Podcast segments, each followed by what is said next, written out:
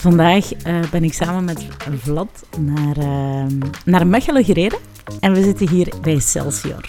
En uh, Celsior, die hebben ons super warm ontvangen. Uh, ze hebben ons koffie geboden. We zitten hier in een super inspirerende boardroom, CEO-room, die mij, die mij helemaal doet wegdromen over superveel geslaagde deals. Als ik aan een goede band met, met klanten denk, dan denk ik ook onmiddellijk aan, aan Aaron van Nimium. Die zit hier ook bij mij. Hallo. Welkom.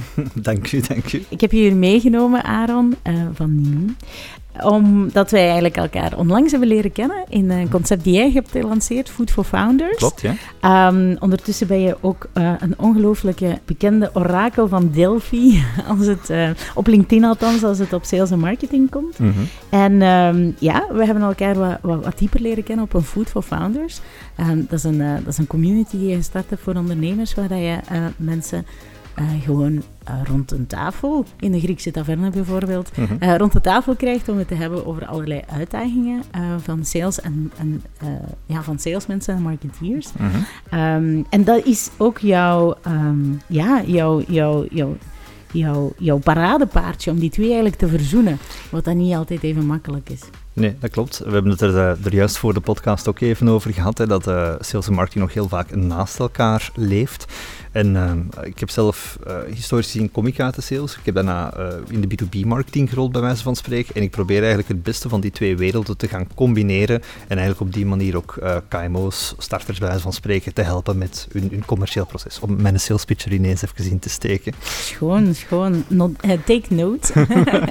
um, nee, grote Amerikaanse bedrijven in IT, daar heb je sales en marketing geda gedaan. En, en daardoor ben je, ben je dus nu ook uh, gespecialiseerd in, uh, in B2B-marketing. Mm -hmm. uh, je hebt dat als, als niche genomen, of, of je, je, je doet de propaganda rond, rond B2B-marketing, of je probeert de mensen te inspireren rond B2B-marketing. Waarom B2B?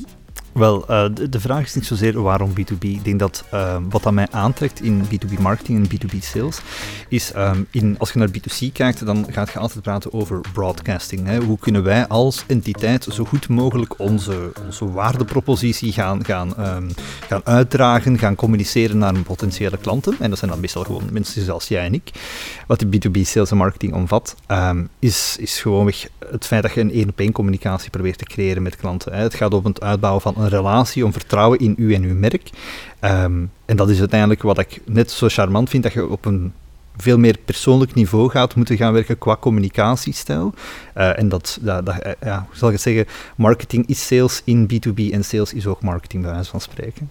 En toch, uh, daar hadden we het inderdaad er, er straks over, en toch is dat, uh, zijn die teams moeilijk te, te, te verzoenen, of soms moeilijk te, te verzoenen. Waaraan, wat, maakt dat dat, dat dat één zo is? En ten tweede, hoe kunnen we dat de wereld uit helpen? Wel, het, is grappig dat je dat zegt, um, want het is, het is heel terecht, hè, voor alle duidelijkheid. Uh, wat ik heb gezien bij de, de, de uh, grotere Amerikaanse bedrijven waar ik zelf heb voor gewerkt, is dat dat op een heel andere manier gebeurt in Amerika dan in Europa. Wij hebben uh, in Europa nog altijd een salescultuur waar de vertegenwoordigercultuur, zal ik het maar even noemen, Ja. sales doet zijn ding, je hebt marketing daarnaast. en het, hetgeen, de functie van marketing was vroeger leads genereren, waar dat dan de verkoper kon langsgaan om eigenlijk zijn deal te gaan sluiten. Uh, in het Amerikaanse model zie je veel meer dat, uh, zeker in B2B dan, dat het gaat over we gaan de lead genereren op een bepaalde manier, maar we gaan ook in samenspraak proberen om de sales speech van inside sales daarop af te stemmen. En we gaan ook op een vaste, geëikte manier, dus alle verkopers werken op dezelfde manier, aan dezelfde manier de presentatie gaan doen. We gaan op dezelfde manier ons gesprek structureren. We weten eigenlijk wat een best is en dat is veel meer systematisch gedreven. En zolang dat in België wij niet werken aan het procesmatig maken van sales en marketing en die op elkaar laat afstemmen. Zonder dat er een baseline is, kun je ook niet gaan optimaliseren.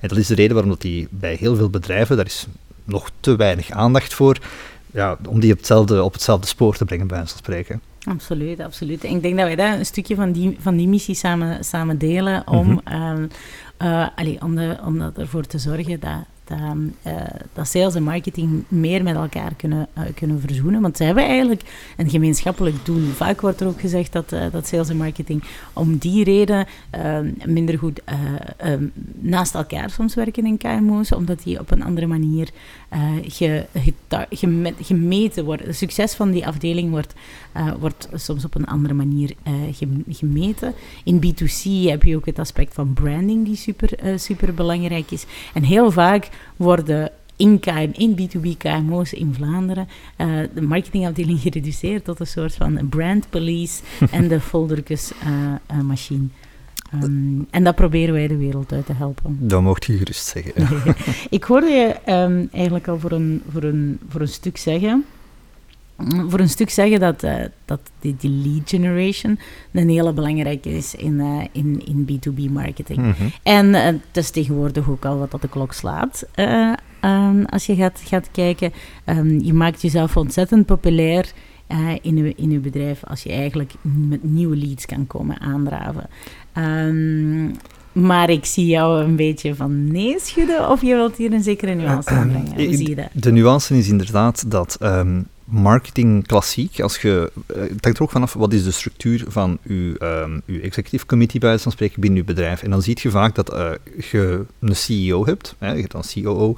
Uh, daarnaast zit er dan heel vaak nog iemand die instaat voor sales, de sales leader zal ik het maar even noemen, en de marketing leader. En het hangt ervan af van, um, als ze die alle twee aan de tafel zitten, dan gaat je zien dat marketing heel vaak wordt opgeklopt tot um, het, het uh, genereren van leads en die handoff te gaan doen. En dan heb je twee uh, heads-off die tegen elkaar jeppen van waarom volgt jij mijn leads niet goed op? Ja, maar het zijn de slechte leads bij wijze van spreken. Waar, maar. spijtig genoeg. Uh, maar daarentegen, bij organisaties waar uh, weliswaar sales managers en marketing managers hebt, maar dat die geen uh, seat at the table hebben van, van het executive committee, bij wijze van spreken, dat die aangestuurd worden om gewoon hun job te doen, ziet je dat er heel vaak wel alignering is. Dat er gewoon wordt gekeken naar ja, bottom line, hoeveel revenue hebben we nu gegenereerd, wat is onze target en hoe gaan we daar nu samen aan werken. En ik heb al gemerkt dat uh, hoe minder leiders dat je creëert, nee, ik zeg het verkeerd, hoe minder managers dat je creëert en hoe meer leiders dat je aan de top zet van zo'n organisatie, hoe beter dat die soort dingen werken en hoe meer dat er ook wordt gemeten op de metric dat ertoe doet, zijn er dan een omzet dat wordt gegenereerd. Is de omzet het allerbelangrijkste? Of gaan we dan ook bijvoorbeeld gaan kijken naar, naar andere marketingdoelstellingen of businessdoelstellingen die een bedrijf dan eigenlijk voor ogen hebt? Een, een, een bedrijf dat gealigneerd is, hè, die, waar dan men meerder, meer spreekt van uh, growth teams, revenue generation teams, dan, uh, dan sales slash marketing. Um, marketing ook zo'n vies woord, sorry. um, maar maar uh, halen die bedrijven beter hun doelstellingen of andere andere doelstelling? Hoe zie je dat? Wel, ik denk dat het belangrijk is om, om te vertalen, de end goal is revenue, uiteraard. Hè. Um, maar wat ik vooral belangrijk vind, is um, uiteindelijk gaat het, je hebt North Star metrics, waarmee dat ik dan bedoel, um, als wij leads genereren volgens kanaal A of kanaal B, bij wijze van spreken, wat is dan uiteindelijk de return daarvan? Wat, soort, wat voor een soort gesprekken hebben we met de mensen die dat via die kanalen gaan binnenkomen? En dat het veel belangrijker is om te werken op kwaliteit dan op kwantiteit. Want ik heb liever vijf leads dat ik al vijf close, dan honderd leads waar dat niks uitkomt. Maar de essentie blijft wel dat um, je doorheen die cyclus, eens dat je het sales- en marketingproces uh, als een verlengde van elkaar begint te kijken, dus inderdaad, we genereren leads uit verschillende kanalen, of zelf, we draaien advertenties op verschillende kanalen, daar komen dan downloads uit, daar gaan we dan een soort van nurturing op toepassen, mensen komen naar onze webinar, als dat allemaal in uw funnelproces... Hoor ik daar een funnel? Ah, was...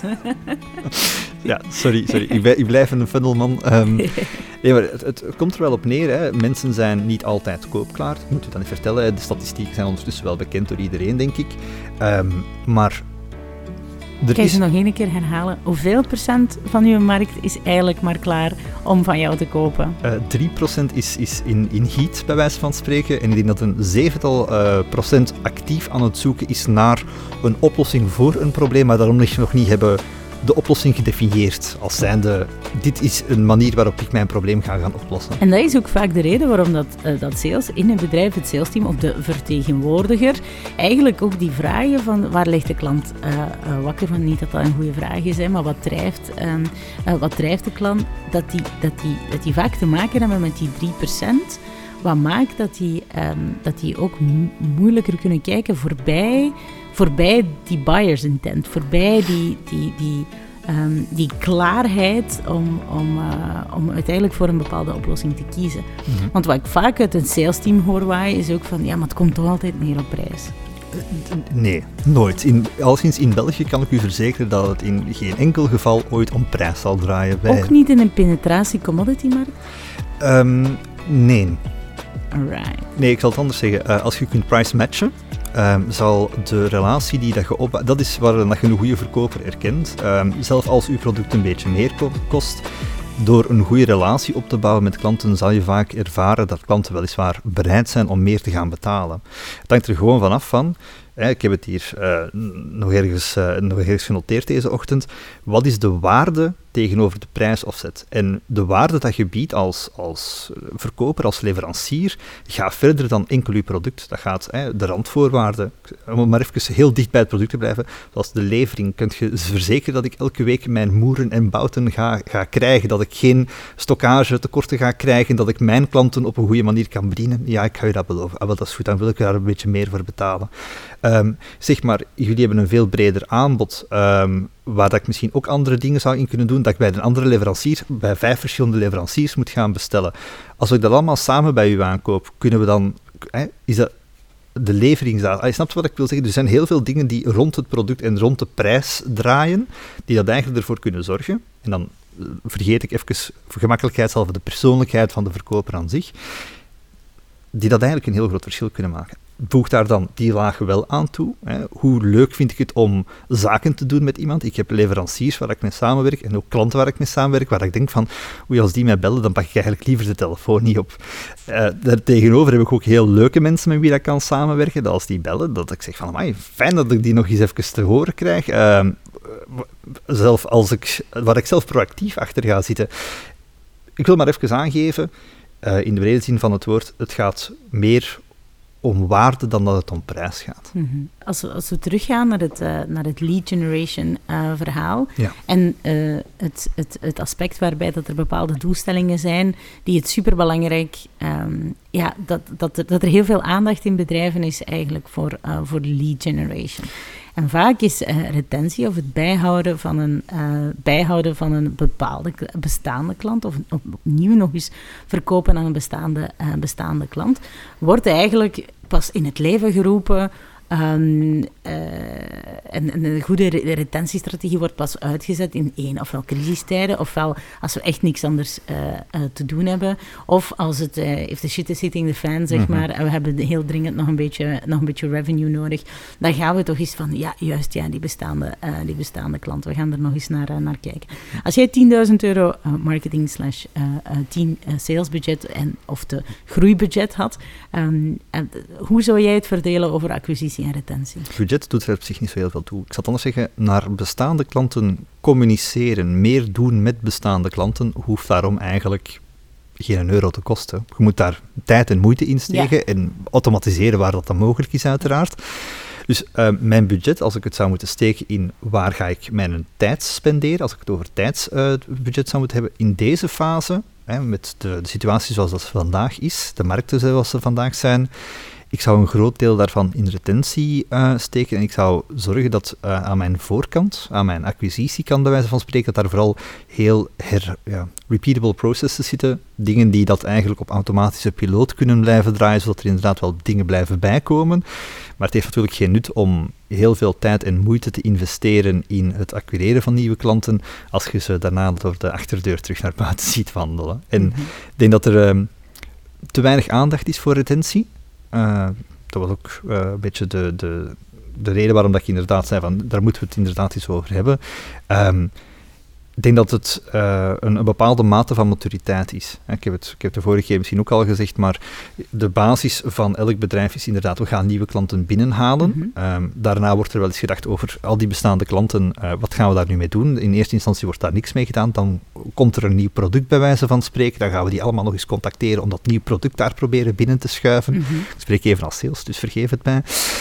Um, en eigenlijk pas de moment dat er, zoals dat gezegd, hè, um, er moet nog ergens uh, revenue worden binnengehaald, of nog veel erger, en dat is iets dat spijt genoeg uh, veel meer voorkomt en een grotere trigger is. Eens dat de markt ontwricht wordt, er komt een nieuwe speler op de markt, um, ineens gaan alle hens aan dek. Want in het begin is dat een kleine speler, die doen niks. En dan gaan die heel agressief hun pricing gaan aanpassen, terwijl jij als incumbent al jarenlang dezelfde prijsstrategie hanteert en ineens moet jij gaan reageren, maar jij als groot bedrijf, jij reageert veel trager. En dan ineens moet er aan retentie gedaan worden en oei nee, hoe doen we dat, wat is de strategie, hoe moeten we dat gaan aanvliegen? Dat is mhm. een, een uitdaging. En ik denk dat, en daar, daar wil ik liever toekomen, of daar probeer ik mensen naartoe te sturen, is te zeggen van, denk na, wat is de volledige lifecycle van een klant? Om terug te komen op het acquisitieverhaal. Mhm. Dat is een stuk daarvan. Je hebt een stuk het aanwerven of aantrekken van nieuwe klanten. Dan heb je het in-lifecycle moment, waarmee ik wil zeggen, de klant is klant bij ons. Wat gebeurt er daarmee? Hoe houden we die klant dicht bij ons? Hoe creëren we klantintimiteit? En dan ook van, ja, is dat iemand zegt van, we zijn geen klant meer, hoe zorgen we ervoor dat die ervaring positief is? Hoe zorgen we ervoor dat ze idealiter, als ze ooit terug koopklaar zijn, dat ze terug bij ons terechtkomen. En als we ons dan toch verlaten, hoe zorgen we dat we eigenlijk iets gaan leren van die ervaring en proberen om eigenlijk op die manier ons proces te gaan optimaliseren. Een goede exit-strategie eigenlijk. Uh, ja. Lay them down gently. Uh, ja, ja, maar ik denk dat, eh, dat, dat wil ik wel vermijden. Ik wil niet de focus te hard op die exit-strategie hebben, want dat is uiteraard een grote component. Maar ik denk dat um, doorheen de, de levenscyclus, stel voor, jij wordt inderdaad klant bij mij, um, stel dat ik u daarna nooit meer contacteer of nooit meer eens een, een berichtje stuur of ik nodig u nooit op iets uit of, of weet ik veel wat. Als er morgen een, een, een andere leverancier bij u binnenwandelt en zegt, tok, tok, tok, Vero, ja, zeg, uh, ik heb een betere prijs, en dan hebben we het terug mhm. over dat prijsdiscussie van daarjuist. Als ik geen waarde blijf leveren, ja, dan, dan wordt het heel moeilijk, denk ik. En niet alleen waarde, maar als er ook geen intimiteit is op, op, op dat moment, of, of, of een klantenbinding eigenlijk, uh, of een connectie, dan, dan, dan, dan zijn we die ook kwijt. En dan, heeft het, dan kan marketing zoveel leads eh, genereren als dat, ze, als, dat ze, als dat ze willen. Dat gaat geen impact hebben op de, op de revenue. Hm. Is dat makkelijk te diagnosticeren in, binnen een bedrijf? Of dat het, uh, of dat het een acquisitieprobleem of een, uh, of een uh, retentie... uitdaging is, zeg maar? Um, ik, ga, ik, ga, in alle transparantie zeggen, de cases waar ik daaraan heb gewerkt, waren veelal bij grotere bedrijven. En daar heb je bepaalde North Star metrics. Hoeveel nieuwe klanten acquireren we elke maand? Aan welk, uh, wat is onze bruto marge dat we draaien bij zo'n spreken? Maar ook langs de andere kant, hoe evolueert ons, hey, onze, onze netto-berekening? Gaan we netto positief of gaan we netto negatief? En heel vaak, um, de moment dat er dan initiatieven worden opgestart, is het dat je heel duidelijk begint te zien van er is een shift in de market er is iets veranderd. Dat kan de prijzingsstrategie van een conculega zijn die dat een moedige beslissing neemt om te zeggen we gaan de status quo gaan doorbreken. Dat kan een nieuwe speler zijn. Ehm, en op dat moment, ja, dan, dan begint het heel snel, heel duidelijk te worden. Ik zal het anders zeggen. Als ik morgen hetzelfde zou aanbieden aan de helft van de prijs, ik loon mezelf en ik zou al mijn bestaande klanten opbellen, bij mij zouden ze natuurlijk niet gaan lopen, want ik heb een goede hmm. retentiestrategie. Maar ik wil maar zeggen, bij andere bedrijven um, denk ik dat dat heel vaak wel een probleem is, waar dat ja, als, als jij, ik geef het voorbeeld, als je een bedrijf bent en je hebt 10.000 klanten, heb je een, een A-segment klanten, dat zijn een 200, 300 klanten waar dan een groot deel van hun omzet vandaan komt, die gaat geswanjeren. Maar dat B-segment, dat C-segment van klanten die ja, weliswaar recurrent bij je kopen hè, en waar je misschien een dienst aan verleent, als je die niet consistent serviced, mee in contact blijft enzovoort, ja, wie zijt jij? Gezet leverancier nummer X en jij ook voor hen, wie zijt jij als klant, wat, wat en ik denk dan nu, uh, sorry, ik ben een beetje in een tangent aan het gaan, maar ehm, nu dat we veel meer data hebben over onze klanten, kunnen we eigenlijk veel beter naar al die niveaus gaan en zeggen van oké, we gaan proberen die intimiteit te creëren en we gaan proberen ervoor te zorgen dat als jij, wat je daarnet aanhaalde, als jij telefoon krijgt van een andere leverancier, dat je op zijn minste reflex gaat hebben. Zeg Aaron, ik heb hier een andere leverancier bij mij gekregen, die heeft mij een betere prijs aangeboden voor je product. Moeten we daar eens over babbelen? Wat kunnen we doen om toch blijven samen te werken? En dat is dan opnieuw terug die waardecreatie dat je moet gaan doen. Terug naar ons, eh, naar ons dilemma, hè? dus uh, acquisitie-retentie. Ik merk dat er bijvoorbeeld om uh, acquisitie te doen, dus tot aan de het, het, closen van een deal, dat er daar heel veel frameworks voor bestaan, zeg mhm. maar. Um, de, de funnel-strategie, de R, uh, de R, de Pirates mm funnel en zoveel. Dus zelf geef ik vaak aan dat het, uh, dat het toch ook een kwestie is van, um, van ah, oké, we, gaan, we gaan zoeken naar manieren uh, om ze te attracten, we gaan zoeken naar manieren om ze te converten, we gaan zoeken naar manieren om ze te closen, maar ook wel om ze, om ze te delighten. Vanuit mijn rockstar roots uh, heb ik ook wel heb ik het de ACCD in plaats van de ACDC-strategie genoemd. ik zou graag nu een insert van Axel Rose willen. Maar um, nevertheless, nevertheless Um, het, het delight aspect is eigenlijk de retenties waar je het over hebt. Mhm. um, en daar bestaan er toch beduidend minder uh, strategieën, frameworks, uh, tooltjes, uh, et cetera voor. Maar voor jou is het belangrijkste element, het begint met data. In plaats, voordat we beginnen met, met tooltjes, gaan we, gaan we voor een stukje rond die data werken. We moeten het kunnen meten, we moeten het kunnen, kun, kun, kunnen weten, we moeten, of, ja. of is het simpeler dan dat? Eén, nu dat we CRM-data hebben, hebben we een veel completer beeld van ons totaal klantenbestand. Dus of dat we nu 10 klanten hebben of 10.000 klanten, eigenlijk de informatie dat we hebben over een klant, in de mate dat een CRM wordt bijgehouden, zit die data daarin. Nu, wat is het voordeel daarvan? Ik moet het u niet vertellen. Machine learning, AI, um, we kunnen eigenlijk tegenwoordig op basis van algoritmes bijna gaan voorspellen. Ah, de, zeg maar de, de bestellingsinterval van een klant loopt terug, of de bestellingen komen steeds later terug. Dat zijn allemaal kleine datapunten die we eigenlijk kunnen gaan gebruiken om te identificeren, ja, is deze klant zijn bestelling aan het verminderen omdat ze hun contractwaarde proberen te doen? Zijn ze die dan naar ergens anders aan het verschuiven? En het zijn dat soort inzichten dat we nu naar boven kunnen gaan tillen om te gaan zeggen naar sales toe, hey, dit is misschien een klant waar je terug mee in dialoog moet gaan. Of waar dat we procesmatig iets voor kunnen ontwikkelen. En zeg van, zeg, ik stuur u automatisch niet meer. Ik zeg van, Vero, uh, want jij zit gemarkeerd in mijn CRM als zijnde de aankoopverantwoordelijke. Uh, zeg, ik, ik merk dat, dat de bestellingen aan het teruglopen zijn kunnen we daar eens een gesprek over aangaan? Of kan ik jou morgen even bellen enzovoort. En als jij mij dan automatisch een mail terugstuurt als sales, en er staat, ik krijg gewoon uit random mails binnen en daar staat, ja, bel me gerust morgen even op. Het is misschien interessant dat we even babbelen. En ik moet als sales nog maar gewoon mijn telefoon opnemen en naar u bellen. En dat voelt als een personal touchpoint. Als je dat soort dingen kunt gaan simuleren, kunt gaan opbouwen, uh, door middel van tools dan weliswaar, Um, dat is eigenlijk het, het, ultieme ding waar dat je naartoe moet gaan, waar dat je dan persoonlijke intimiteit tussen de klant en de verkoper, bij wijze van spreken, kunt gaan opbouwen, kunt gaan onderhouden. En dat is gewoon een kwestie van de juiste systemen op de juiste manier met de juiste strategie gaan samenwerken. Nu, we hebben het eh, gehaald inderdaad het aspect van tools aan, dat is inderdaad belangrijk. Maar dan hebben we misschien ook even moeten gaan praten over wat zijn verschillende elementen dat je inderdaad in zo'n strategie kunt gebruiken, want daar zijn weinig tot geen frameworks over, over dat in-lifecycle uh, verhaal. Um, en ik denk dat dat zeker interessant is om dat ook even, uh, even aan te halen rumor has it dat, dat het, uh, het stukje tot aan, tot aan de, clo uh, tot de close van het, uh, van deal in B2B marketing een probleem is. En alles na, na het, het, closen van een deal of, of tot aan die eerste afspraak, zeg maar, is, um, dat dat, dat, dat een, een inspanning is die van, van sales komt. Zie je dat ook nog als een estafetteloop? Of, of hoe hoe begint retentie ook niet al een stukje bij, bij, bij acquisitie eigenlijk?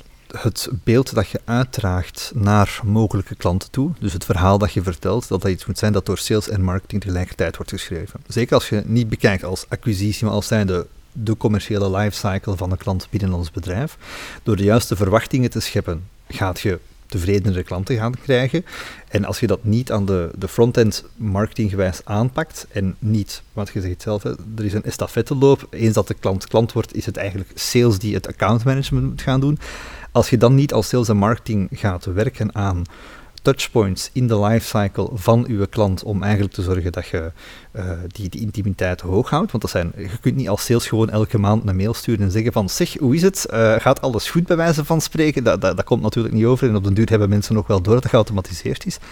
Maar door eigenlijk samen te gaan werken aan dat volledige proces en, en genoeg momenten, momentum te creëren om eigenlijk met klanten in interactie te gaan. Dat is eigenlijk hoe dat de ideale samenwerking er voor mij moet uitzien. Stel, we zouden voor hetzelfde bedrijf werken en ik zou jou als, um, als, als aanvoerder van het, uh, van het, uh, van het sales team zeg maar, uh, uitnodigen om wekelijks een moment in te lassen waarin dat we die touchpoints en de intimiteit van de, mm uh, van die touchpoints eigenlijk gaan in kaart brengen en daar, daar even met elkaar over gaan sparren. Is dat een goede, een, een goede tool om, uh, om te doen? Of gebeurt dat veel organischer.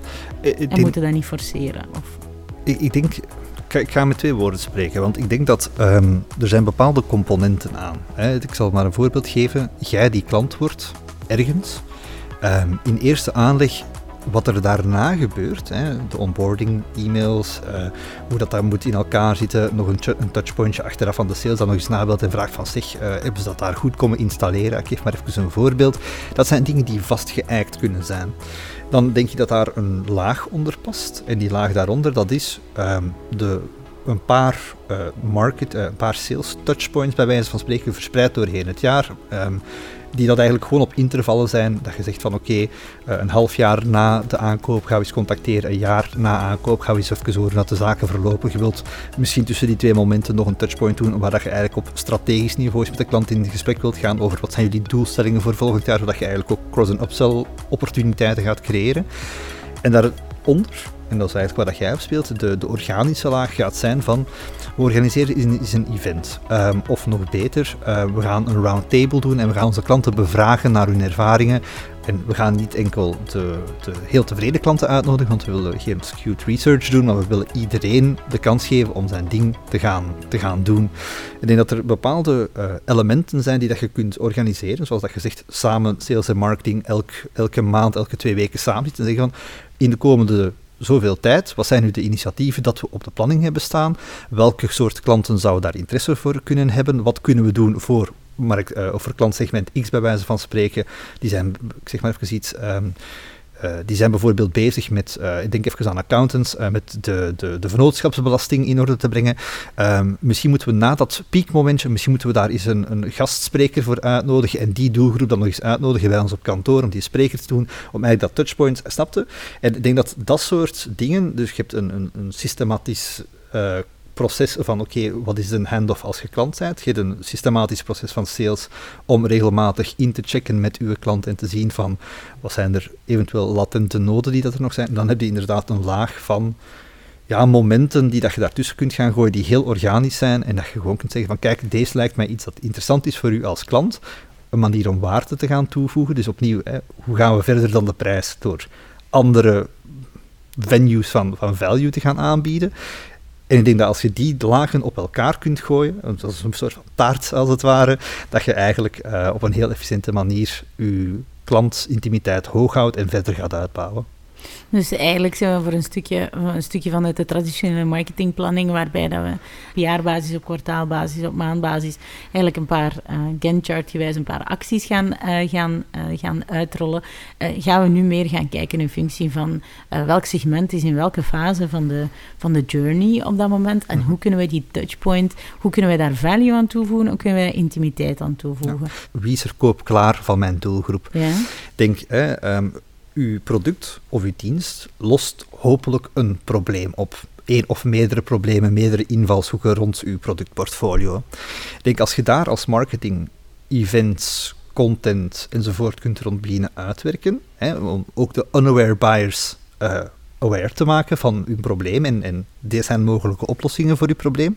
De moment dat je dan uw bestaande klanten met nieuwe klanten kunt gaan samensmoeshen, creëer je eigenlijk een, een hefboom bij wijze van spreken, om mensen, ja, enerzijds, je doet dingen met uw klanten, wat dat je net aanhaalt, dus je verbetert intimiteit, je bouwt die verder op, maar je gebruikt uw bestaande klanten ook als een hefboom om eigenlijk nieuwe klanten te gaan aantrekken en eigenlijk op die manier creëert je veel meer vertrouwen in, in uw merk, in uw positie als leverancier van een bepaalde oplossing of van een bepaalde solution, als het Uh, dus ik wou dat toch even toucheren, omdat ik denk dat dat wel een heel belangrijk aspect is. Dat je, het gaat niet enkel over retentie en, en over de, het, uh, de, het vertrek door de achterdeur stoppen, maar ook van hoe kunnen we nu meer gaan doen met onze klanten en hoe kunnen we onze klanten zelf meer gaan gebruiken in het recruteren, warm maken van potentiële nieuwe klanten ook.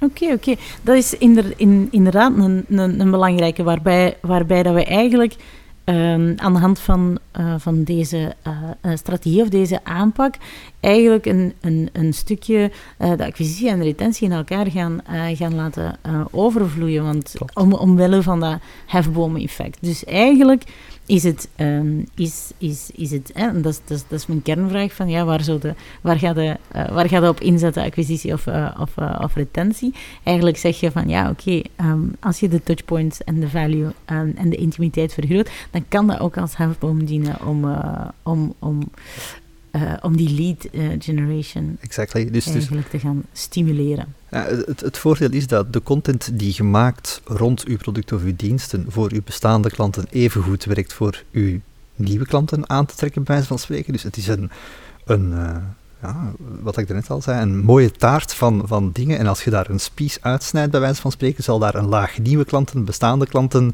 een stukje referrals gaan inzitten. En dan ja, op die manier zouden eigenlijk een, een heel mooie geïntegreerde strategie aan bouwen. Terwijl dat, wat je daarnet al zei, vandaag niet te focussen op acquisitie, niet op retentie, terwijl dat door meer te gaan doen met de content dat je creëert voor doelgroep A, dat je doelgroep B gaat stimuleren en vice versa. Oké, cool, cool. Om, uh, om het eigenlijk even te, con, uh, te consolideren, om te zien of dat iedereen nog, uh, nog, nog mee is, mm-hmm. komt het er eigenlijk op neer van, van kijk, het is niet met acquisitie versus retentie. Um, het is eigenlijk een kwestie van, van een heel goed beeld te hebben op de verschillende touchpoints die je hebt met je klant gedurende zijn, zijn journey. Mm-hmm. En op elke touchpoint de um, maximale waarde eruit, eruit te halen. Mm-hmm. En het moment dat je eigenlijk voorbij de, de, de close, het moment moment dat je die, die, die, die verkoop achter, achter de rug hebt, dan stopt het eigenlijk niet. De framework om, om het verder um, te, gaan, te gaan hebben. En de klant te gaan retainen, de klant verder aan je te laten, te laten binden, die te blijven delighten. Hoe, hoe, hoe, wat zijn de elementen om, om, dat, om dat te doen? Mm -hmm. en, en hoe zet ik die elementen naast het traditionele marketing management dat er, dat er eigenlijk dofies moet gebeuren. Uh, eh, a.k.a. Het, het, uh, de campagnes. Hè? Hoe, hoe, hoe gieten we dat nu in een, in een planning? Als we, als we dat morgen moeten, moeten brengen bij een, bij een CMO, hoe kunnen we dat um, tastbaar maken? Oké, okay. uh, ik vind het de beste vraag tot nu toe. het is niet dat ik hierop vind te krijgen. Ja, ja, sowieso. Ik zit al op 11 op 10, dus het is al zeker. Ja. Um, wat dat voor mij de essentie is, is van um, die campagnes die dat je net aanhaalt, die hebben hun plaats. Hè? Dus in het bredere communiceren, alles wat we doen naar onze doelgroep toe, um, dat, dat, uh, dat heeft zijn plaats. Dat, dat behoort tot de grote, grote marketing-communicatiemix die een bedrijf volgend jaar moet gaan voeren. En we zijn nu uh, eind 2022, dus begin volgend jaar zullen er al een heel hoop plannen zijn. En ik hoop dat ze er al zijn, anders zijn we maar eigenlijk laat. Pas op, ik heb het al... Enfin, dat, dat terzijde. um, dus ik denk die campagnes die maken daar een deel van uit. Wat ik eigenlijk gewoon wil zeggen, en ik heb daar juist die vraag ook gesteld, B2B tegenover B2C. Uiteindelijk, um, B2B gaat uh, al, als verkoop en dan vanuit marketingperspectief gaat dat over de uitwisseling van geld tegenover waarde. Dus wat ik zou zeggen is van, kijk, die bestaande campagnes die dat je hebt, neemt die zeker en vast mee, behoud die. Hè. Ga dan kijken van, oké, vanuit een contentperspectief, wat kan ik hier nu gaan creëren om nieuwe klanten aan te trekken? Wat zijn de problemen die ik oplos? En gaat het dan niet enkel doen als geschreven content, uh, audio-content, om het maar even te noemen, uh, videocontent. Ga niet enkel denken in terms of posts, maar ga ook denken van oké, wat zijn uh, elementen in mijn marketingstrategie die ik kan gebruiken om klanten dichter bij mij te krijgen, het contact persoonlijker te maken. Hoe meer dat je weggaat van een broadcasting en hoe meer dat je naar een, een intiemer model gaat, in, tot uiteindelijk het één op één, het verkoopsgesprek dan bij wijze van spreken. Als je dat op een deftige manier kunt opbouwen en kunt zeggen van ik ga mijn content in verschillende lagen gaan construeren, dat is denk ik een goede eerste stap om op een goede manier, efficiënte manier aan content te gaan doen. Mm -hmm. Nu, van daaruit, het is één laag, uh, denk ik dat je heel actief gaat moeten inzetten en dan kun je wel denken in termen van campagnes als in de Stel je voor, jij hebt vandaag één product van mij, maar ik bied vier producten aan. Wat is voor jou een logisch volgend product om te gaan aankopen en hoe kan ik jou eigenlijk semi-automatisch bewegen, hè, dus naar cross- en upsell toe, uh, naar de aankoop van extra producten. Dat is een laag die dat ervoor gaat zorgen dat er touchpoints zijn voor zowel marketing, want ik moet jou informeren over die producten, als vanuit sales, want ik wil marketing en salesstrategie. Ja. Wat, wat, ik zeg is, laat ons eerst die strategie bepalen en laten we dan gaan nadenken in functie van de content die dat we doen, de waarde dat we willen creëren voor zowel bestaande als voor nieuwe klanten wat zijn de juiste dingen om te gaan doen en laten we dat strategisch als een, opnieuw een systeem, laten we dat toevoegen aan de andere dingen dat we aan het doen zijn. En bouw op die manier die touchpoints op. Mhm. Die community, dat is, daarom dat ik zei, die staan een beetje apart, net zoals die co-creatie, omdat eens dat je die eerste twee op een heel goede manier doet, heb je eigenlijk in veel momenten niet echt meer nood aan optie 3 of optie 4. Hm. Ehm, maar dat gezegd zijnde, als je wel, eh, hoe moet dat zeggen, als je je wilt verzekeren, als je eh, van klantintimiteit een focus wilt maken voor je bedrijf, Mhm. zijn dat wel de ideale stappen om daarna nog te gaan toevoegen. Dus ik zou zeggen, focus vooral op die eerste twee. Ga kijken wat is de ideale klant, of het ideale klantenprofiel, hoe beweeg je daar naartoe. En in de tweede plaats van, kijk naar je contentstrategie, bestaande klanten, nieuwe klanten. Hoe kunnen we waarde gaan creëren met onze content, rather than hier is ons product, we gaan het proberen te verkopen. En nu doen we een, eh, een ik zeg maar even iets, ik denk aan facturatieprogramma's. Hoe gaan we nu, pardon, de zoveelste blog schrijven over facturatiesoftware? Mhm. Snap je waar ik naartoe wil? Absoluut, absoluut. Ehm, nee, ik vind het super interessant. Ik denk ook dat ik, d- dat ik wil aanvullen vanuit het perspectief dat, dat optie 3 en optie, eh, optie 4, of optie 4 en optie 5, is wat de co-creatie, het aspect van co-creatie en het aspect van community, of het Mhm. aspect van de events, Mhm. Ehm, dat, dat dat ook gewoon het aspect van community eigenlijk wel iets, iets, iets is dat je cours de route wel, wel kan doen. Stel, je organiseert een evenement, dan kan dat een element zijn om er bijvoorbeeld voor te zorgen van, oké, beste sales, allee, een sales team of growth team, maar ik zorgen dat wij, dat wij, dat wij eigenlijk elk vijf mensen, eh, vijf mensen uit onze, eh, uit onze eh, doelgroep, je pakt dat segment, je pakt dat segment, je pakt dat segment, we gaan die eens eigenlijk even, ehm, even ofwel bij, bij elkaar steken, ofwel gaan we die wat interviewen en cours de route. Ehm, terwijl dat die eh, tussen de talks door, door naar een spreker aan het luisteren zit. Dus dat hoeft ook niet heel ceremonieel te zijn. Nee. Dat kan eigenlijk eh, on- constantly ongoing eh, eh, zijn. Vind je dat een goede toevoeging? Ik vind dat een goede toevoeging. En, en om misschien even terug te komen op helemaal het begin van, van, van, van ons gesprek. Ehm, oorspronkelijk eh, Food for Founders, omdat je het daarnet zelf hebt aangehaald, is uiteindelijk ontstaan vanuit het concept van ik wou ondernemers bij elkaar brengen en ik wou dat ze zonder eh, de schrik te, te moeten hebben dat ze gepitcht gingen worden, dat ze gewoon konden praten over waar zij eigenlijk mee bezig waren, wat hun uitdagingen waren, wat de next steps waren. Dat ze eigenlijk een netwerk van andere ondernemers rond zich konden gaan opbouwen om eigenlijk op die manier hun verhaal te gaan aftoetsen Mhm. of te gaan verbeteren of whatever. En denk, als je dat nu transponeert naar een grotere B2B-onderneming, als je dat soort cultuur kunt gaan creëren bij klanten, en je weet dat het bedrijf daar de spil is, of de spin in het web, om het dan met dat soort terminologie te zeggen, ehm, zou jij dan als klant nog zeggen, ja, nee, daar, daar ga ik weg? Nee, want op dat moment is de, de waarde dat je als bedrijf hebt gecreëerd vele malen hoger dan waar we ooit zijn begonnen, het product en de prijs. Dat is de, de essentie van, van het verhaal, denk ik. Absoluut, absoluut. Oké, dus voor als we, als we eigenlijk alles een beetje gaan samenbrengen, want we zijn al, eh, al, eh, al eh, super lang aan het praten. En elke keer als ik met jou in een gesprek zit, heb ik het gevoel dat, dat we daar gewoon kunnen blijven multiplyen. Ehm, nevertheless, eh, denk ik dat at some point de luisteraar wel eens zou durven afhaken. Ehm, de marketeers, eh, of de, de, de, de founders, de bedrijfsleiders die nu aan het luisteren zijn en die op zoek zijn naar hun volgende slimme zet in marketing. Ehm, is er in marketing of, of, sales, hoe pas je dit nu eigenlijk eh, concreet toe? Eh, heb je daar een case voor? Ik heb voor een, een groot eh, bedrijf gewerkt, dienstverlenend bedrijf. En wat is het ding? Die infrastructuur, ik heb het al gezegd, die veel van die bedrijven leven op de status quo. Dus die deden eigenlijk hun sales marketing verhaal, hun bestelomgeving, de, de interfaces waarmee klanten in aanraking kwamen met het bedrijf, waren eigenlijk al jaren ongewijzigd gebleven. Nu was het ding, hè, zoals het dan vaak gaat, een nieuwe speler op de markt. En ehm, de grote uitdaging is, die gaan heel proactief klanten beginnen opbellen en zeggen van kijk, ah, maar wij werken al met iemand, dat is goed, maar wij zijn 30% goedkoper. En ja, als je dan geen relatie hebt met klanten, dan wordt het uiteraard wel heel moeilijk.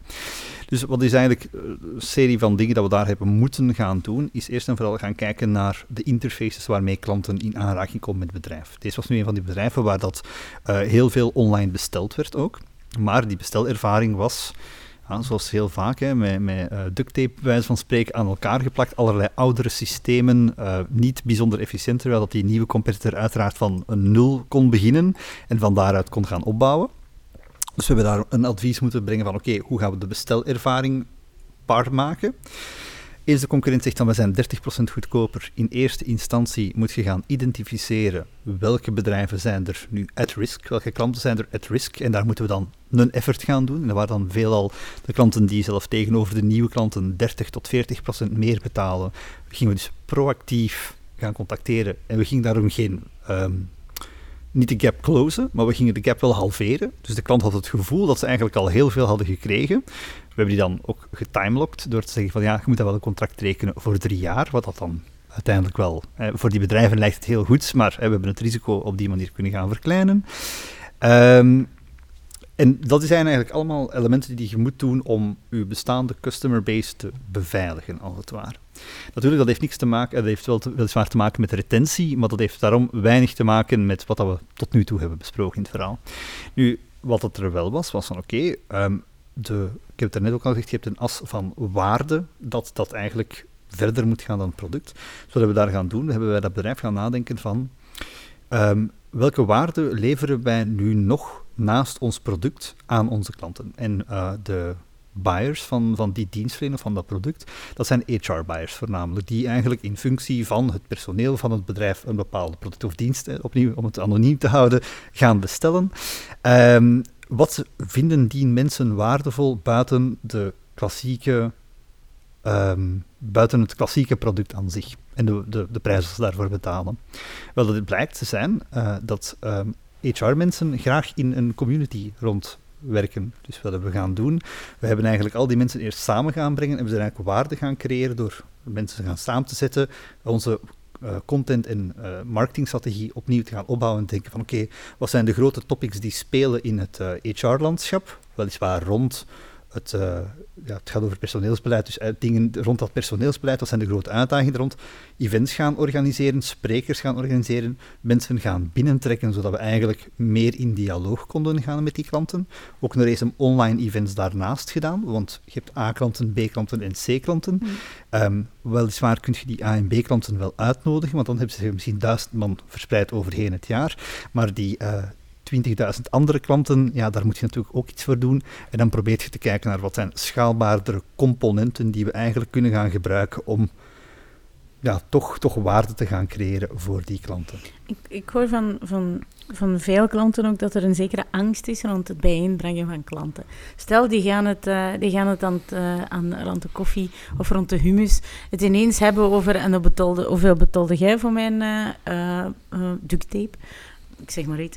En, uh, en, en dan tot, allee, tot, uh, tot die grote... Uh, ja, die grote verschillen gaan, gaan blootgelegd worden, waar dat vandaag veel KMO's een prijzenpolitiek eigenlijk nog op gestoeld is. Dank er, daar haalt je inderdaad een belangrijk punt aan. dan is natuurlijk de vraag van, is het... Ehm, als bedrijf heb je verschillende strategieën hè, om, om je markt te gaan benaderen. Uh, je hebt winstmaximalisatie, dat wil zeggen dat iedereen een custom price heeft en dat we proberen zoveel mogelijk marge te creëren waar mogelijk. Um, natuurlijk is de vraag, hoe eerlijk is dat tegenover uw klanten? Hoe, eh, ik zal het anders zeggen, ik denk dat we allemaal wel telecom-gebruikers zijn. We hebben allemaal een mhm. gsm of een, of een internetabonnement. Zou jij het leuk vinden als uh, uw uh, buur, bij wijze van spreken, uh, ineens meer of minder zou betalen voor zijn internet dan jij zelf. Ja, uh, nee. Nee, niet zo heel fijn. En dat is wel een beetje wat ik naartoe wil. Heel veel producten waar we het vandaag over hebben, de bedrijven die, die ik in de geest heb voor, voor dit gesprek, mm. zullen bedrijven zijn waarvan het product op een zeker moment gecommoditized is. Mm. He, niet dat deze uh, voor hippe jonge start-ups is die dat um, hey, belangrijk, doet natuurlijk nog altijd iets met je klanten, hè, voor degenen die van, mm -hmm. dat, uh, van, van die laag zijn. Um, maar ik wil maar zeggen, het zullen vaak de grotere bedrijven zijn die uh, bepaalde sets van competitors in de markt hebben. De meer established uh, bedrijven. Basically. Um, die gaan hier meer aan hebben, die gaan hier moeten over nadenken. En is de vraag natuurlijk, als uw product commoditized is, dan weet je dat dat een risico met zich inhoudt. Want of dat je dan bij mij koopt of bij u koopt, bij wijze van spreken, ja, dat, dat, dat doet er dan op zich niet zo heel veel toe. Dan is het wel belangrijk, want veel vaak is het dan de relatie. Hè. In de klassieke vorm van sales en marketing is het de relatie met het bedrijf of met de verkoper die er eigenlijk voor zorgt dat er uh, continuïteit is in een overeenkomst. En hè, contracturen uiteraard enzovoort ook. Maar als jij, stel voor, jij bent mijn koper, jij zet, hè, in, in, het kader van wat ik juist aan het vertellen was, jij zet mijn HR-buyer mm en jij vertrekt morgen en gaat naar een ander bedrijf, jij zult mij hopelijk, maar weinig waarschijnlijk, uh, niet gaan opbellen om te zeggen, zeg, ik ben veranderd van bedrijf Daarentegen, als iemand nieuw wordt aangeworven en die krijgt als taak, zeg, herbekijk eens de contracten met onze leveranciers mhm. en ik heb geen band met u, nou, wordt het een, een heel moeilijk verhaal natuurlijk als het enige wat we hebben in een commodity sale de relatie is met de koper en de verkoper, mm bij wijze van mhm. spreken. Dus uh, ik, wil, ik wil vooral daar zoveel mogelijk weg van bewegen, maar het is inderdaad wel een, een zeer terechte opmerking. Mm. Oké, okay. als we dan terug naar onze boekhouders uh, gaan. Um, het samenbrengen, uh, hoe, hoe heb je het nog verder toegepast? Het waren niet de boekhouders, het waren de HR-buyers. Sorry, dat, sorry, Het is oké, het is oké. Ehm, nee, dus inderdaad, dus we brengen die mensen inderdaad gaan, we gaan die inderdaad gaan samenbrengen. Dus dat is een vorm van waardecreatie.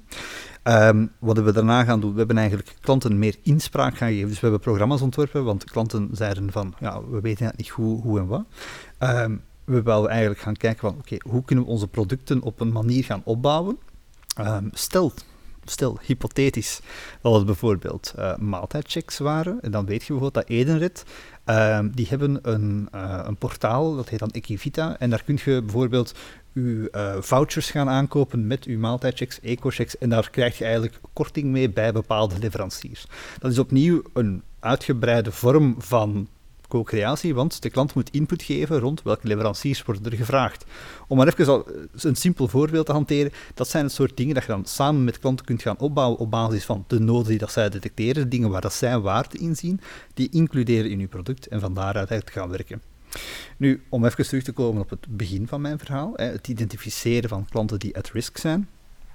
Daar, door die analyse, AI en machine learning, gaat eigenlijk gaan identificeren wie dat die klanten zijn, maar ook wat zijn nu de bepaalde criteria die dat eigenlijk van tel zijn.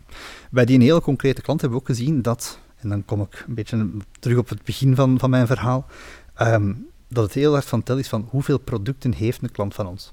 Hoe meer producten dat iemand heeft en hoe beter adjusted dat we zitten naar pricing toe, hoe minder dat er eigenlijk impact is van die nieuwe speler op onze, op onze portefeuille. Dus ja, dan was het heel hard zaak om mensen te gaan overtuigen om, om, snel nieuwe producten van ons mee aan boord te trekken.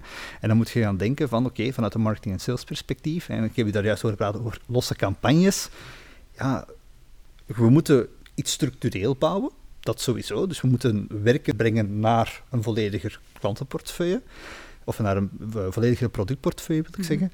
Ehm, maar voor die nieuwe klanten, of de klanten die er al lang in zitten, was het eigenlijk zaak om al moet je ze bij wijze van spreken de producten gratis geven, zorg maar gewoon dat ze meer producten hebben. Want hoe meer producten dat ze hebben, hoe meer dat ze het concept hebben dat het bedrijf ook met hen begaan is. Dat is uiteraard ook zo, maar mm -hmm. vooral duidelijkheid, het is goed om die, in, uh, die, die insteek of die, die uh, ik kom niet op het woord, de, die uitstraling ook te mhm. creëren mm -hmm. naar die klanten toe, dat die dat ook op die manier percipiëren.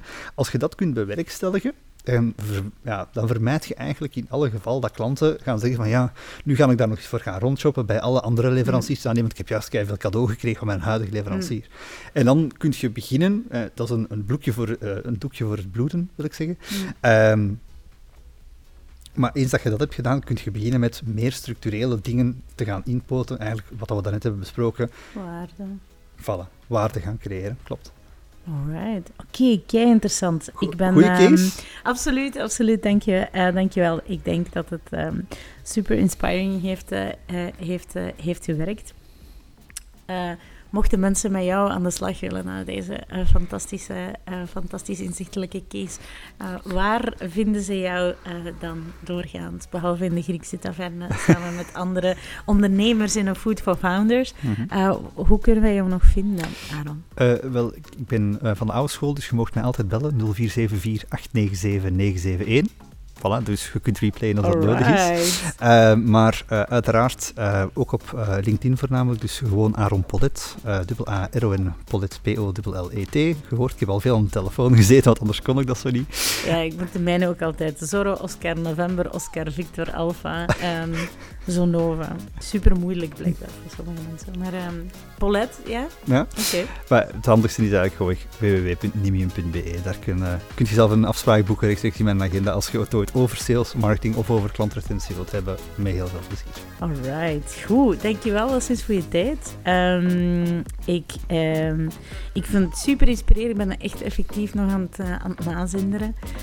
Um, over, en, en ik popel ook om die zaken eigenlijk echt uh, specifiek, uh, specifiek te gaan implementeren. Oké, okay, cool. Dank Dankjewel. je. Merci. Merci.